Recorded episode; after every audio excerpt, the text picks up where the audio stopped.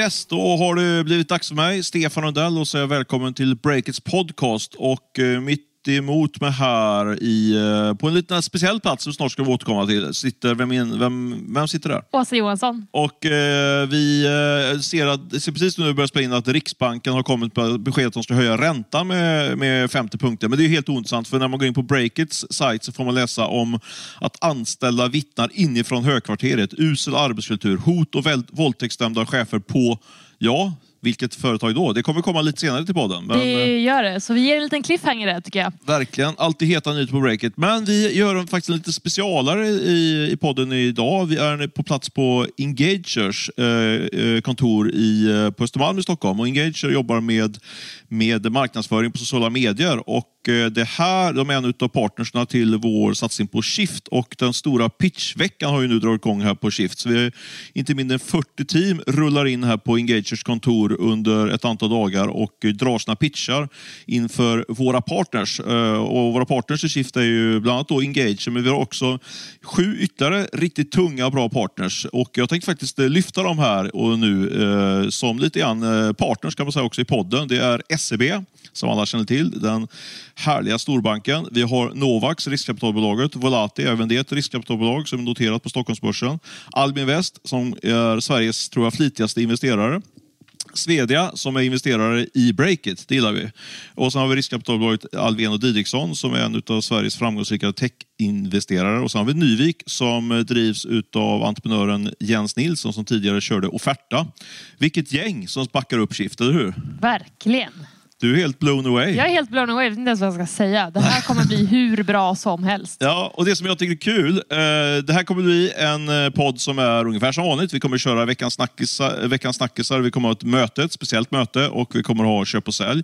Eh, men eftersom vi då sitter och spelar in den här podden samtidigt som, som de här pitcharna sker i detta nu, så tycker jag också att det är en, en poäng att lyfta fram att de här partnersen vi har med oss, de är en väldigt viktig del i Shift med tanke på att de tillför coachingkompetens till, eh, till Shift. Så de coachar ju de här de, de finalteamen. Eh, och det där tycker jag är faktiskt en grej i Shift som eh, har kommit fram lite lite. Inte, inte det att vi får en backning ekonomiskt från den här parten, utan det är det här Eh, samspelet mellan, eh, mellan eh, att man får kompetens från partnerna som är väldigt duktiga på affärsutveckling, men också att de de coachar, alltså Shift-entreprenörerna, de ger också otroligt mycket till våra partners i form av nya nätverk, potentiella rekryteringar faktiskt också och insyner. Så det där är jag väldigt nöjd med och det är någonting som manifesteras kan man säga under den här veckan.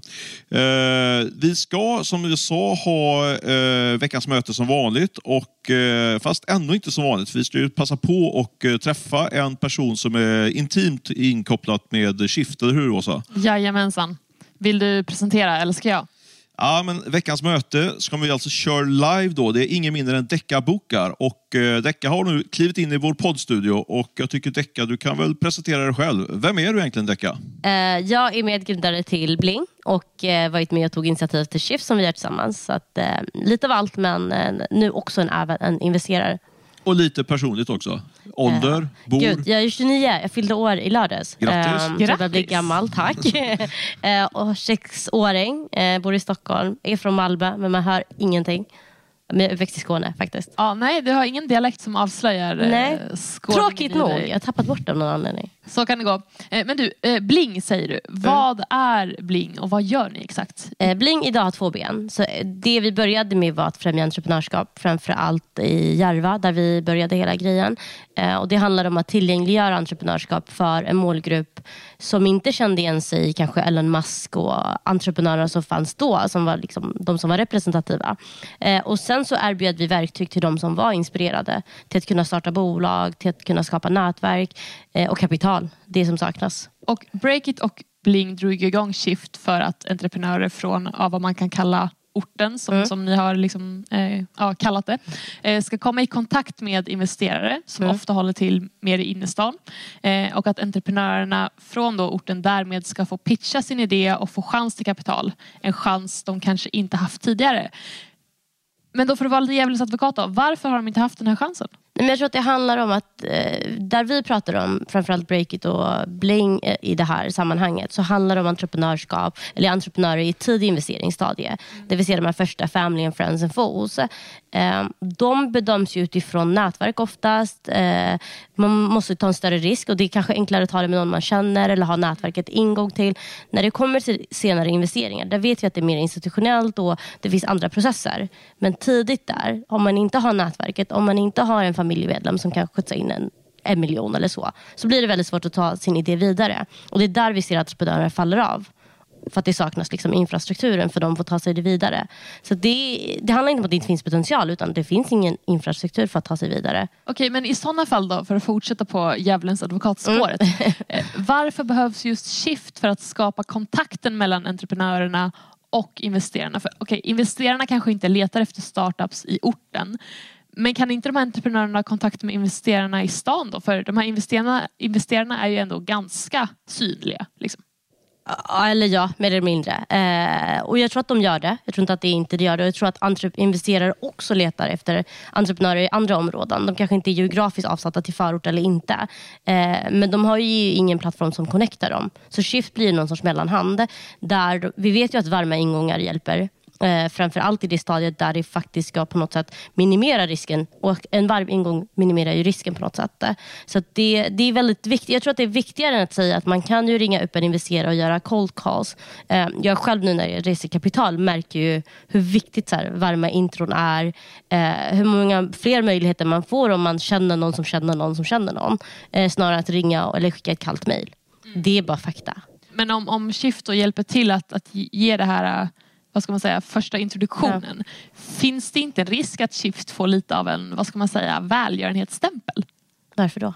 Jag tänker varför inte? Just för att de här investerarna har inte hittat till de här startupsen tidigare. Men nu så har Shift kommit in i bilden och som presenterar Shift för investerarna. Kolla, här har vi några case. Så att Shift har liksom gjort halva jobbet åt dem på något sätt. Mm, alltså vi blir lite som scouter. Eh, och det, scoutjobb är väl inte välgörenhet. Utan jag tror att välgörenhetsaspekten kommer in på hur man ser entreprenörerna eller liksom förorten. Om du anser att om jag investerar i de här bolagen så är det välgörenhet eller det är do good. Då är det liksom din syn på den målgruppen eller området snarare. Så jag tror att vi har ju sagt från dag ett, så här, vi anser absolut inte att det, har något, det här har något att göra med välgörenhet. Utan vi blir som vilken scout eller vilket nätverk som helst. Det är bara att vi har valt att skrika högt vilka det gäller. Och Sen tror jag att vi gör så mycket mer att förmedla eh, kontakter. Vi tar upp ett problem som kanske inte är lika synligt innan vi tog upp det. Vi skapar nya möjligheter för vänskap, för liksom allt annat än bara liksom, här är en varm intro. Så det är så mycket mer.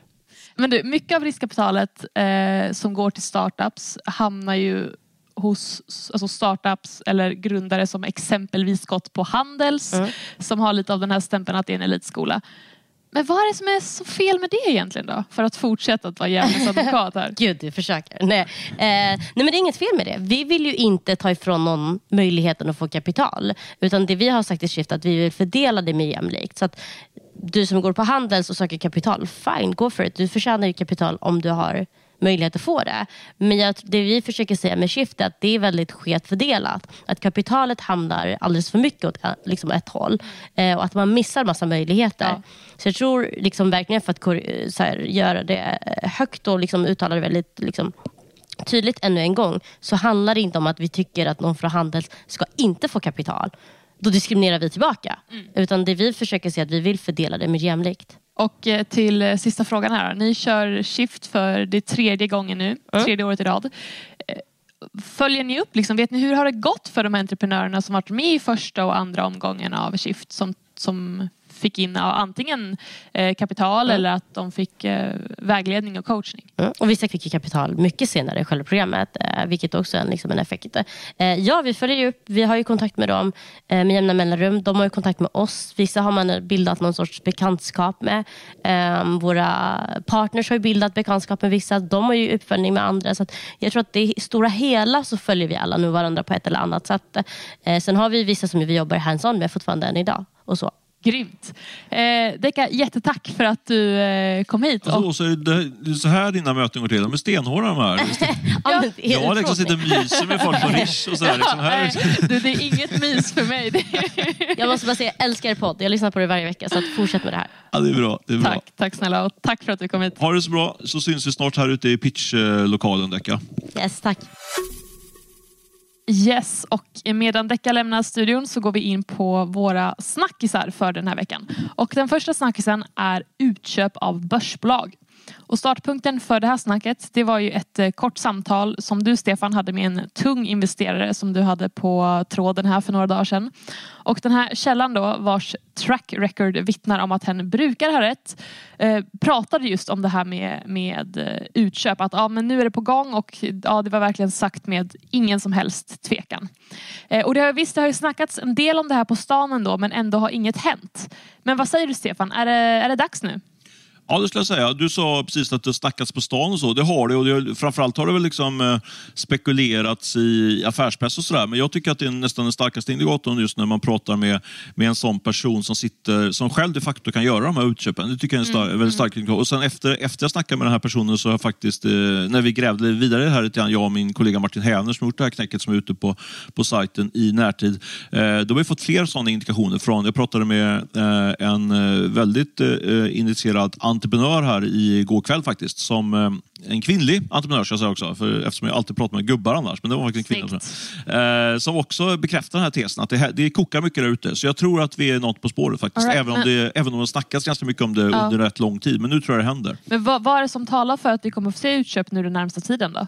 Ja, men en, en avgörande faktor är att det finns väldigt mycket kapital där ute som sitter lite grann på sidlinjen kan man säga. Vi har ju pratat om tidigare att många riskkapitalfonder lyckades ju resa kapital precis innan liksom techfrossan slog till i, runt om i världen. Så det finns mycket kapital. Eh, Jag tror aldrig det funnits faktiskt så mycket kapital på den, på den svenska marknaden som är liksom ör, öronmärkta då för att pumpas in just i techsektorn. Eh, Och sen har vi ju sett då ett eh, värderingsras. Nu har ju börsen kommit igen rejält de sista månaderna, så nu vi har haft en stark börs. Men eh, man kan ändå se att det finns en hel del eftersläntrare där bland, bland i, i, liksom i break-it-sektorn, alltså med techbolag. Så där finns, så fortfarande kan man argumentera för att värderingarna är klart mycket mer attraktiva i, i vissa bolag jämfört med vad de var för, för sådär ett, två år sedan. Och sen då om man tittar mer, liksom, lite mer industriellt så finns det ju ett stort konsolideringsbehov i ganska många branscher som snabbas på av att eh, fokuset på lönsamhet har, ju, har blivit mycket mer större nu. Så nu är det inte tillväxt som gäller, utan nu är det lönsamhet. Och då, det, då upptäcker man, då, det driver på att man måste få lönsamhet i, i bolagen. Och det i sin tur driver på att man slår ihop bolag eh, för att få upp, för att komma till den lönsamheten. Och då, och då kan ut, ut, utköp vara en del av det. Ett, ett tydligt exempel på det är ju e-handelsindustrin där, där lönsamheten är väldigt låg och där det finns också så stora samordningsmöjligheter. Så allt det här sammantaget då skulle jag säga att det bäddar för en utköpsvåg på, på börsen. Okej, ja, bra förklarat där. Men du, eh, såklart blir man ju nyfiken på vilka bolag på börsen kommer då att locka till sig intresse från budgivare. Har du, någon, liksom, har du span på några? Absolut. Nej, men vi har ju pekat ut tio stycken kandidater. Som jag, säga, som, jag tror jag har sagt det förut i den här podden, men, det, men för att göra lite, lite tråkigt kanske ingång på det här då, så brukar det vara helt omöjligt att peka ut rätt utköpskandidater. Det finns, Kul, kul snack. Ja, men verkligen. Bara dödar hela diskussionen. Men jag tycker ändå, eh, ändå intressant utifrån ett eh, bredare perspektiv att se att det kommer ske mycket på börsen. Men eh, med den disclaimer då, så jo, vi har pekat ut tio kandidater som vi tror på och eh, jag kan inte rabbla upp alla här i podden. Nej, och det det, hade ju varit dumt också för då blir våra premiumläsare irriterade för de vill ju ändå ha lite exklusivt material. Men två case tänkte jag bjuda på. Ja. Eh, det ena caset är faktiskt rätt intressant. Det är eh, bolagen Nelly och det är ju två mikrosmå eh, e-handlare, men ganska kända varumärken. Framförallt Nelly. Då. Har, handlar du på Nelly? Nej, alltså jag är sämst på e-handel.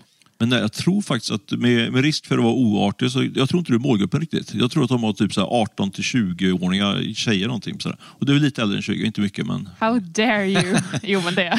så. Eh, nej, men, så lugnt. de, men de har ju, det, det, alltså de är, eh, det finns många saker som, som eh, skulle lira för att de två skulle slås ihop. Och jag skulle argumentera för att Stefan Palm, en rätt, väldigt duktig entreprenör som har drivit upp Lager 157 som är en annan sån eh, retail, men de är väldigt framgångsrika dyraste eh, varu, varuhuskedja.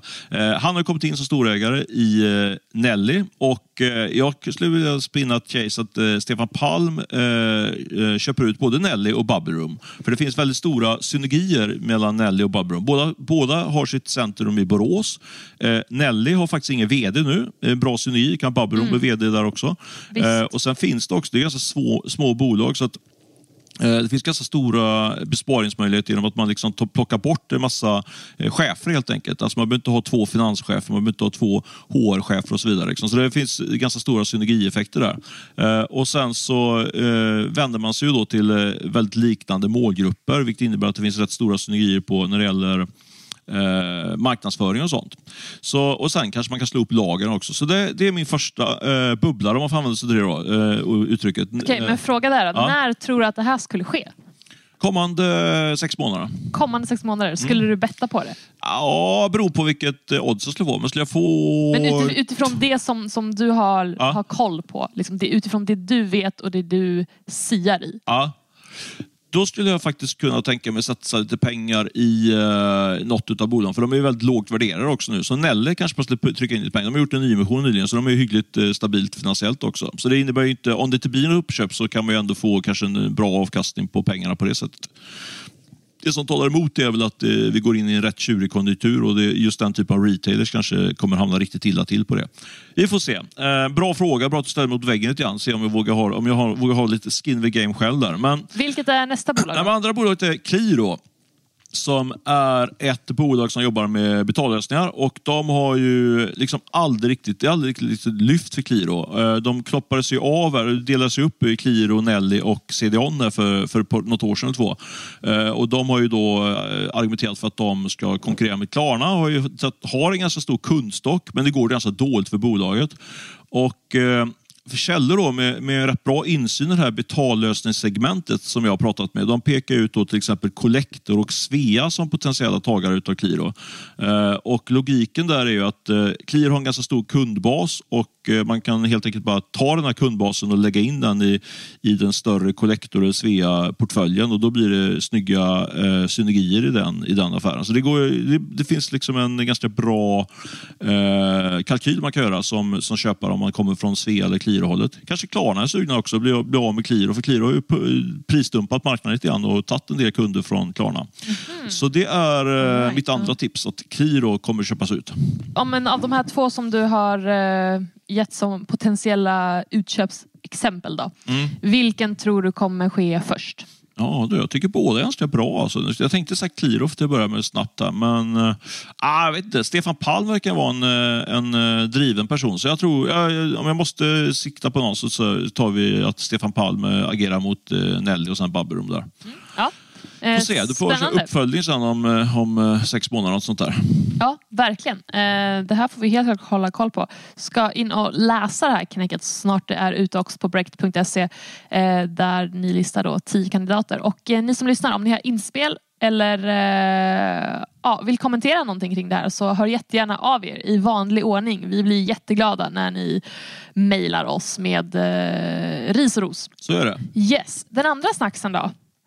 Körn. Det här är ett ord som jag knappt kan stava om ingen hade visat mig hur det stavas. Eh, och så här va, ingen har väl missat att vi är på väg in i en lågkonjunktur. Eller vi kanske redan är i en lågkonjunktur, beror på vem du frågar. Eh, och då blir också just det här med körn, eller körnen, ett allt mer akut problem för SAS-industrin. Och eh, Stefan, du har varit på hugget den här veckan. Du har ju grävt i det här också. Ehm, och du har grävt lite djupare i just problematiken kring det här. Men innan vi går in på det, först och främst, vad är körn? Ja, om du frågar min medgrundare så är det ju en ö utanför eh, Bohuslän, Tjörn. Och frågar du mina barn så säger de att det är ett, ja, könsorganet, trodde de att det var jag pratade om.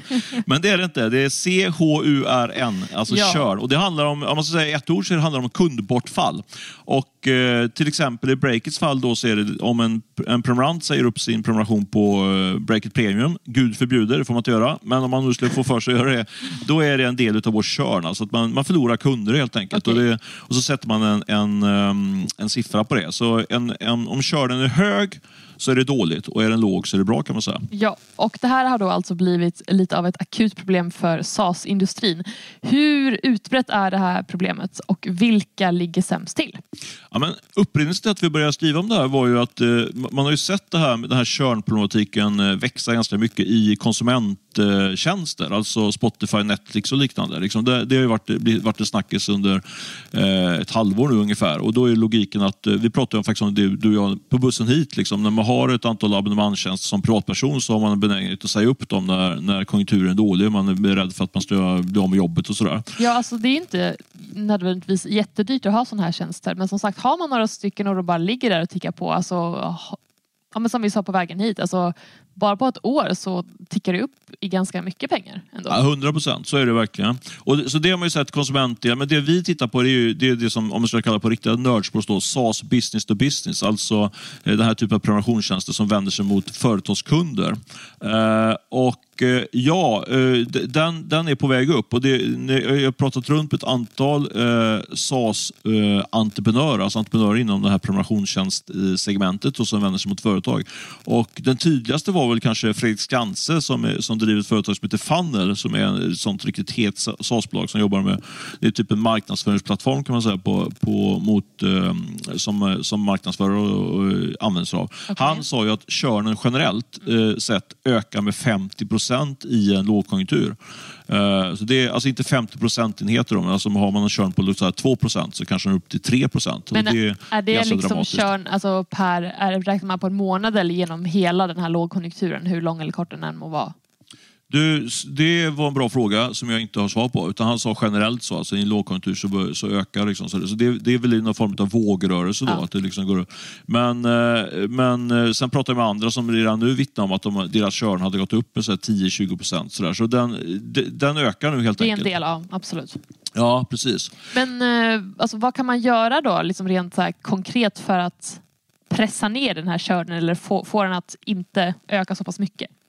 Ja, men, då är väl jag kanske fel person att svara på det. För vår körn har ju också tickat uppåt lite grann om man ska, om man ska avslöja affärshemligheter här. Så vi jobbar ju, med, jobbar en del med det. Mm. Eh, och eh, Jag tror att vi och även många andra har ganska mycket, mycket hemläxa att göra helt enkelt. Eh, men i grunden eh, så handlar det om, vilket jag kan tycka är skönt, liksom, i grunden handlar det om att bäst produkt vinner. Eh, om man tittar på vilka som drabbas mest av eh, den här körnproblematiken så är det ju, så är det ju de här kunderna, så, eller, företag som har liksom så här nice to have men inte must have produkt. Alltså ja. det, så det kommer bli en ganska, ganska brutal utrensning liksom bland, bland de här eh, SaaS-bolagen som har poppat upp och som har haft en massa tjänster som man kanske inte riktigt fått det där riktigt riktiga affärsnyttan av. Så det är i grunden att du måste ha en produkt som verkligen skapar riktiga värden för dig. Det är liksom, eh, det är viktigt. Sen, sen en annan sak som är jätteviktig är ju att du har koll på att eh, dina kunder använder din produkt helt enkelt. Alltså, eh, jag pratar med flera av dem, de har liksom så larmsystem när, du, när, du, när de märker att du som kund inte går in och loggar in och använder den här kund, eh, tjänsten aktivt. Då aktiverar de. Då kan det dels vara att det går ut liksom automatiska mejl, men det kan också vara om, om det är lite större, eh, dyrare produkter, att man helt enkelt ringer upp eh, kunden och, och, hjälper kunden och försöker liksom förstå varför använder inte du tjänsten? Hur kan du få, eh, vilken typ av åtgärder kan vi göra för att du ska börja få mer nytta av, av tjänsten? Liksom. Så det handlar om liksom att man ska agera proaktivt. Eh, för många gör ju det, det, det är liksom när folk väl säger upp tjänsten. Då är man liksom, då är det, det enda sättet att få någon att stanna då brukar ju vara liksom att sänka priset. Ja. Det är ju det är en klassiker när man ringer ja, och säger upp sin promotion så sänker de priset. Så det är väl liksom, det där är ju, det där är ju, det där är en hel vetenskap. Men ja, det är några, några korta exempel på hur man ska agera. Liksom. Men det låter ändå som att det här, visst, du har ju, gav, ju, gav ju exempel på siffror här hur mycket körnen ökar men också det här att nej men om man faktiskt ska sätta sig och ringa upp sina kunder. Det tänker man att det kan ju ta ganska mycket tid och resurser ändå. Så att, ja, viktigt att, att bara, som du säger, vara lite proaktiv här. Mm, mm. Men, men, det kan ju också ja. vara, det här med att ringa upp kan ju faktiskt vara ett sätt att vara proaktiv. Det beror på, vissa av de här tjänsterna kostar kanske du vet, så här 100 000 i månaden. Någonting. Så då, då är det ju värt. Liksom. Då har man ju så här Customer Success Manager som det heter. Alltså man liksom ser till att eh, kunderna känner att det är en framgång att de har, att ja. de har produkten. Eh, Men du, ja. finns det någon ljusglimt i det här körnandet eller är det bara mörka moln på SAS-himlen? Ja, men liksom, det är väl ganska mörkt helt enkelt. Alltså, det, måste man. Liksom, det, det, det, det, vi går ju in mot det är tuffare tider helt enkelt. Men eh, det här är ju ett sätt, i, i alla kriser så, så stärks man ju. Liksom. Så det, det, kommer, det är ett utmärkt tillfälle för alla SAS-bolag och även andra bolag liksom, att, att putsa och, och göra sin produkt ännu bättre och jobba med det här. Så, allt kan bli bättre och det finns stor potential. Jag är själv rätt peppad på det här faktiskt på, på, utifrån Breaks perspektiv. Att vi ska göra en ännu bättre produkt som gör att vi, folk körnar mindre helt enkelt. Men jag menar i grunden så är det klart att det är nice om körden är låg. Ja, oh, det kan ja, man inte såklart. komma och sticka under stolen. Jopp. Så är det. Två snackisar från min sida. Ja, Eh, och väldigt bra. väldigt- Bra jobbat. Du brukar ju sitta och säga här att du är så lat. Du verkar inte så lat. Inte den här veckan. alla Nej, men nu har jag faktiskt eh, steppat upp lite grann. Vi har ju fått eh, Jon Mano Pettersson har ju kommit tillbaka från föräldraledigheten så jag vågar inget annat än att jobba på hårt nu när han, han är ju inne som VD nu och eh, publisher. Och Nu är det inga fötter på skrivbordet och Nej, nej nu, nu dansar inte. framflyttade deadlines här inte. Men du, nu ska vi rulla in på, apropå eh, effektivitet här. In, vi rullar på mot veckans köp och veckans sälj. Jag tycker att du ska börja med veckans sälj faktiskt, med tanke på vad jag teasade i början där. För Yes. där ska vi prata om ett bolag, vilket då? Det är eh, Foodora. Precis, det var det som jag teasade rubriken innan där. Och du tycker att det är sälj efter att du läst granskningen, eller? Ja, eller ska erkännas. Eh, jag har inte läst hela granskningen än, men utifrån det jag har läst så sätter jag en sälj på Hans Skruvfors som då är... Högt oseriöst där, Åsa. Du har inte här. läst hela granskningen, ändå Men sätter den du kom ju sälj. precis när vi kom hit. Jag skulle in och podda, man kan inte hinna med allting. Ja, det är sant. Rykande färskt. Och vi har ju fått lite grann, eh, lite grann underhandsinformation också. Så jag tror att du med, med eh, seriositet och tyngd kan säga veckans sälj på Hans Skruvfors. Men utveckla. Ja, så här. Vår eh, kollega stjärnreportern Julia Lundin har då granskat Foodora. Och eh, det här bolaget är verkligen en stor spelare inom last mile-sektorn och de har växt mega snabbt och väldigt mycket. Men då har hon grävt fram att bakom den här fasaden då, som de har eh, döljer sig en, en sargad arbetsplats, skriver hon. Eh, och Foodora har ju varit i ropet tidigare tillsammans med flera andra liknande bolag men då har det främst handlat om, om buden som levererar eh, mat exempelvis. Då. Men nu har hon pratat med ett tiotal källor, tidigare och nuvarande anställda på eh, Foodoras huvudkontor eh, som vittnar om då en rent ut sagt usel arbetsmiljö där eh, personal får eh, ja, alltså munkavel och ja, mår psykiskt dåligt. Det här, eh, ja, ni, in och läs helt enkelt. Eh, och där också så måste ju Foodora få komma till tals och få svara på det här. Jag har inte läst än vad de säger men det ser jag fram emot att göra och det tycker jag att ni också ska göra. Så in på breakit.se. Gör det, det tycker jag verkligen. Yes. Ska jag dra min eh, köp när jag ändå är igång? Jag känner att jag har lite flow. Kör på. Köp denna vecka är eh, Sandra-Stina Westerlund och David Westerlund. Och Det här är ett, eh, ett riktigt powerpar får man väl säga. De är grundare av ett bolag Kallades, som... kallades först ett dålisparet, sen gick jag faktiskt själv in och ändrade rubriken till powerparet. Jag kände att de var så tunga. Ja men faktiskt. Ja, Jag ska berätta varför också. gör det. Men de är i alla fall grundare av ett bolag som heter Incredible Revenue och det låter ju väldigt kaxigt för ett bolagsnamn. Och vad de gör med det här bolaget är att de, eh, de skräddarsyr lösningar inom SEO-tjänster, alltså sökoptimering på nätet eh, och datadriven eh, PR jobbar de med. Och varför det är köp på de här, dels så har bolagets omsättning vuxit, vuxit från 2,4 miljoner kronor till 16,4 miljoner kronor till nästan 37 miljoner kronor förra året. Eh, det är då eh, omsättningen, andra siffror går att läsa på break.se såklart.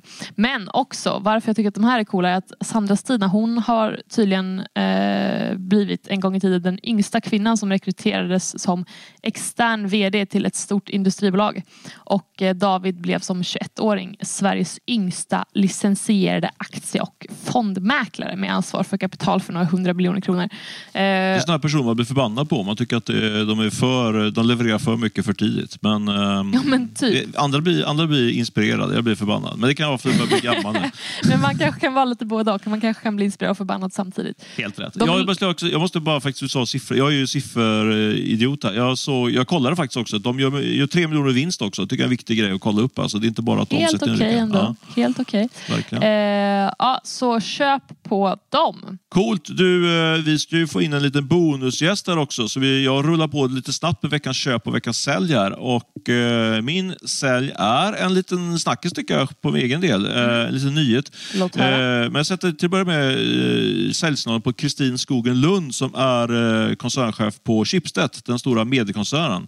Och det har ju snackats en hel del om att Lendo eh, är ute till försäljning. Det var vi faktiskt först med att avslöja här i somras. Så de har försökt sälja och nu la de ner lite kontor här i, eh, kom det för, i veckan. Och i veckan hörde jag också att den eh, försäljningsprocessen som har- Schibsted räknar med skulle inbringa 4-5 miljarder kronor. Den har hackar betänkligt och det verkar som att den, det blir, verkar inte som det blir en försäljning utav, utav Lendo. Så därför sätter jag sälj på, på, på Schibsted och kanske en liten eh, säljsignal också på hela Schibsted-aktien. Vad vet jag. Det var en liten nyhet jag levererade där, eller? Bra Eh, Stefan, Bra, heja. bra. heja. Man ska alltid ha eh, beröm här. Eh, Jag vill också ha beröm. Efter, ja, jag, ska, Jag vill ha bättre beröm. jättemycket beröm. Det kommer, det kommer. Apropå Flow här, veckans köp eh, Yes. sätter jag på en ny podcast som heter TikTok. Det finns ganska många poddar som heter TikTok jag upptäckte jag när, jag, när jag sökte efter den. Men det, här- det här är en svensk eh, podd, TikTok, eh, som drivs av två killar som heter Alexander Morad och eh, Elliot Moskovich. Eh, jag tyckte det var en väldigt bra podd för oss boomers som är ändå intresserade av TikTok utifrån ett affärsperspektiv. De liksom guidar vad som är hett på TikTok men utifrån liksom en annonsör och medieperspektiv. Liksom. Inte så här från, från en 13-års perspektiv. En hel podd om, om... Ja, TikTok enkelt. Aha. Liksom, och som kommer ut någon gång varannan vecka. Det är intressant. Alltså, hur mycket kan man snacka om TikTok egentligen? Hur Alltså, mycket som helst. Hur det, är mycket ju, som helst ja, men tydligen. herregud, det finns ju poddar om, eh, om, precis som det finns poddar om eh, Google så kan man ha en podd om eh, TikTok. Nej, men det tycker jag verkligen. Det är ett medieslag som ökar fort, alltså som annonsörspotential och sådär. Visst. Eh, är för övrigt vår partner väldigt duktig på det med Engage där vi sitter. De jobbar ju också med mycket med TikTok-annonsering. Du, eh, apropå detta så- och partners har vi faktiskt eh, fått in ytterligare en gäst här i studion. En utav våra partners som kommer från SEB. Men du ska Yes. få presentera dig själv. Eh, vem är det som sitter här nu mitt emot oss? Hej, jag heter Özge Ösensink. Eh, Jag är ansvarig för SEBs alla partnerskapssamarbeten eh, med ledande organisationer riktade till entreprenörskap. Det är alltså ett ekosystem för entreprenören från eh, start som ett UF-bolag eh, som då vandrar igenom, säg Shift, säg Caris Network, Business Challenge, Venture Cup, eh, Prins Daniels Fellowship, Årets nybyggare, The Next Awards och eh, högst upp EY of the Year, Entrepreneur of the Year. Så Just det är det. dit vi vill. Men idag är du här som eh, i juryn sitter du och tar emot pitchar, eh, bedömer pitchar. Eh, du har tagit, kört, är det tre stycken hittills du har lyssnat på? Precis, tre Hur känns det? pitchar. Hur känns det? Ja, men det, ja, man blir ju alltid överväldigad av hur fantastiska de är eh, och, och att det finns så mycket innovationskraft där Ja. ute. Mm, mm. Känns det som det är någon... någon det, det är 40 stycken som pitchar här under fyra dagar tror jag det är. Eh, Och det ska ju sålla ut 10 finalister. Nu så här, det är tidigt, men tror du att någon av de här tre du har tittat på kan, ha- har de finalpotential? Eller? Jo, men jag tycker det. En till två eh, av de här tre upplever jag faktiskt var eh, bra utifrån impact-syfte och eh, behov av nätverk och kunskap för att ta sig vidare. Och det är där vi vill hjälpa till. Mm. Spännande. Det låter som en bra ratio, två av tre. Så det, ja, båda gott. Du, SEB är med som första året som partner i Shift och eh, du gav ju en liten inblick då i, ert ekosystem på olika partnerskap. Men eh, om du skulle utveckla lite grann, vad, så, var, varför backar ni Shift och vad, vad tror du att ni kan bidra med? En jättebra fråga. Och, och om man tittar på ekosystemet och säger vi har jobbat med entreprenörskap eh, sedan 1856 eh, och, och vi vill ju vara drivande inom entreprenörskap för att nå full potential i samhället. Och, och det börjar ju med att vi faktiskt tar tillvara på alla där ute. Och tittar vi till hur kapital fördelas eh, mellan män och kvinnor och olika åldrar, funktionsvariation eh, personer med utländsk bakgrund så är inte fördelningen rättvis och, och på det sättet så når vi inte full potential. Det finns statistik som visar att eh, grupper som är blandade med mångfald i når bättre lönsamhet eh, och eh, det är ju liksom affärskritiskt för entreprenörs-Sverige att vi tar tillvara på det här. Och där tycker jag att Shift och Decca med dig Stefan eh, bidrar och, och lyfter den här frågan eh, som är eh, existentiell skulle jag vilja säga. Ja, det är superkul att ni är med och backar oss. Och jag tänkte avsluta med en liten fråga personlig. Du, det är ju många riktigt spännande och duktiga entreprenörer som är här och pitchar sina idéer som kan bli ett nytt Spotify kanske, inte vet jag. Men om du då skulle sluta på SEB och dra igång en startup, vad skulle du pitcha? Vad, vad, har du någon, liksom, någon idé eller någon dröm? Att det här skulle jag verkligen vilja dra igång om, jag, om det fanns det utrymmet och möjligheten. Ja, Jag vet att det är en svår fråga. Jag har fått den frågan själv, men du, du får ta det, ta det för dig och skjuta från Ja, höften. jag vill höra ditt svar på vad du sa på den frågan sen. Men, Ja. men alltså, jag, jag är ju själv en sån här multitasker och intresserad av så himla mycket. Och jag tror att det kommer framför allt liksom ett, eh, alltså drivet där för eh, om jag skulle lämna den här rollen eh, och, och själv få bli entreprenör så tror jag att jag skulle vilja vara med eh, och pitcha för något som jag drivs av och det är ju entreprenörskap och full potential. Så jag funderade lite här nu och jag tänker så här, en way of working för bolag så att man faktiskt når full potential. Om det då är via någon form av AI eller rekrytering eller hur når vi full potential? Den affärsidén skulle jag vilja kunna pitcha. Sen ska det finnas någon digital lösning bakom och då får jag hitta någon intressant. Du borde, affärsutvecklare. du borde teama upp med min fru. Hon jobbar ju mycket med coaching, hur man når sin fulla potential. Du, med det, om ni liksom sunkar ihop er tekn, någon teknisk kompetens och henne. Ja, det, det finns något, vi får prata mer om det efter podden. Men det var väl, väl, för hon pratar mycket om att nå fulla potential och så. Så det är ja, intressant. Vill du veta vad jag skulle starta för startup? Ja, det vill jag veta. Det vet jag inte. Men det jag vet jag skulle göra när jag skulle göra research på det, det är att jag skulle söka upp de mest tråkiga eh, segmenten i svensk industri och näringsliv. Bara för jag tror att, folk, jag, tror att eh, jag startar ju typ i sämsta segmentet med media som är väldigt kul, eller roligt. Alla vill hålla på med media. Många vill i alla fall hålla på med media. Jag tror jag skulle söka någon, i något segment där som folk tycker så här, "Ah, men det här här låter inget roligt. Då, där tror jag det finns möjlighet. För det är, det är inte lika trångt. Lite grann på samma tema som Shift, alltså, som investerare. Att det är inte lika trångt bland investerarna bland eh, förortens vassaste entreprenörer som det är runt eh, Stureplan. Liksom. Så, så skulle jag göra. Men jag har inte kommit riktigt fram till eh, den riktiga pitchen på vad det, var, vad det skulle vara för något. Låter det som en bra idé eller låter det flummigt? Ja, men nej, men jag tycker det låter som en bra idé. Man ska alltid titta på där det finns potential eh, och komma med liksom en lösning på ett behov eller ett problem som andra inte har eh, hittat eller lokaliserat, men där det finns en stor efterfrågan. Och där tänker jag, hur stor är efterfrågan på full potential och de vi går miste om? Nu går jag tillbaka till min affärsidé som jag tycker är ännu bättre. Det är bra Eskil. Ja, men, eh, vi har fått två halvfärdiga affärsidéer som vi bjuder på innan vi stänger, säger tack och hej för den här veckan från eh, podden. Eh, superkul att du är med i podden Eskil och det ska bli otroligt spännande att se vilka, vilka finalister ni sållar fram där i slutändan. Tack. Grymt. Vill du säga någonting Åsa innan vi eh, stänger poddlådan? Nej, jag tycker att vi har eh, tagit upp det som eh, vi borde ha tagit upp den här veckan. Så eh, hör gärna av er såklart. Eh, ni når oss på podcast.breakit.se eller mig når ni direkt på asa.breakit.se och Stefan, Stefan at breakit.se. Hörs nästa vecka, torsdag runt tre. det gör vi. Ha det gott! Hej hej!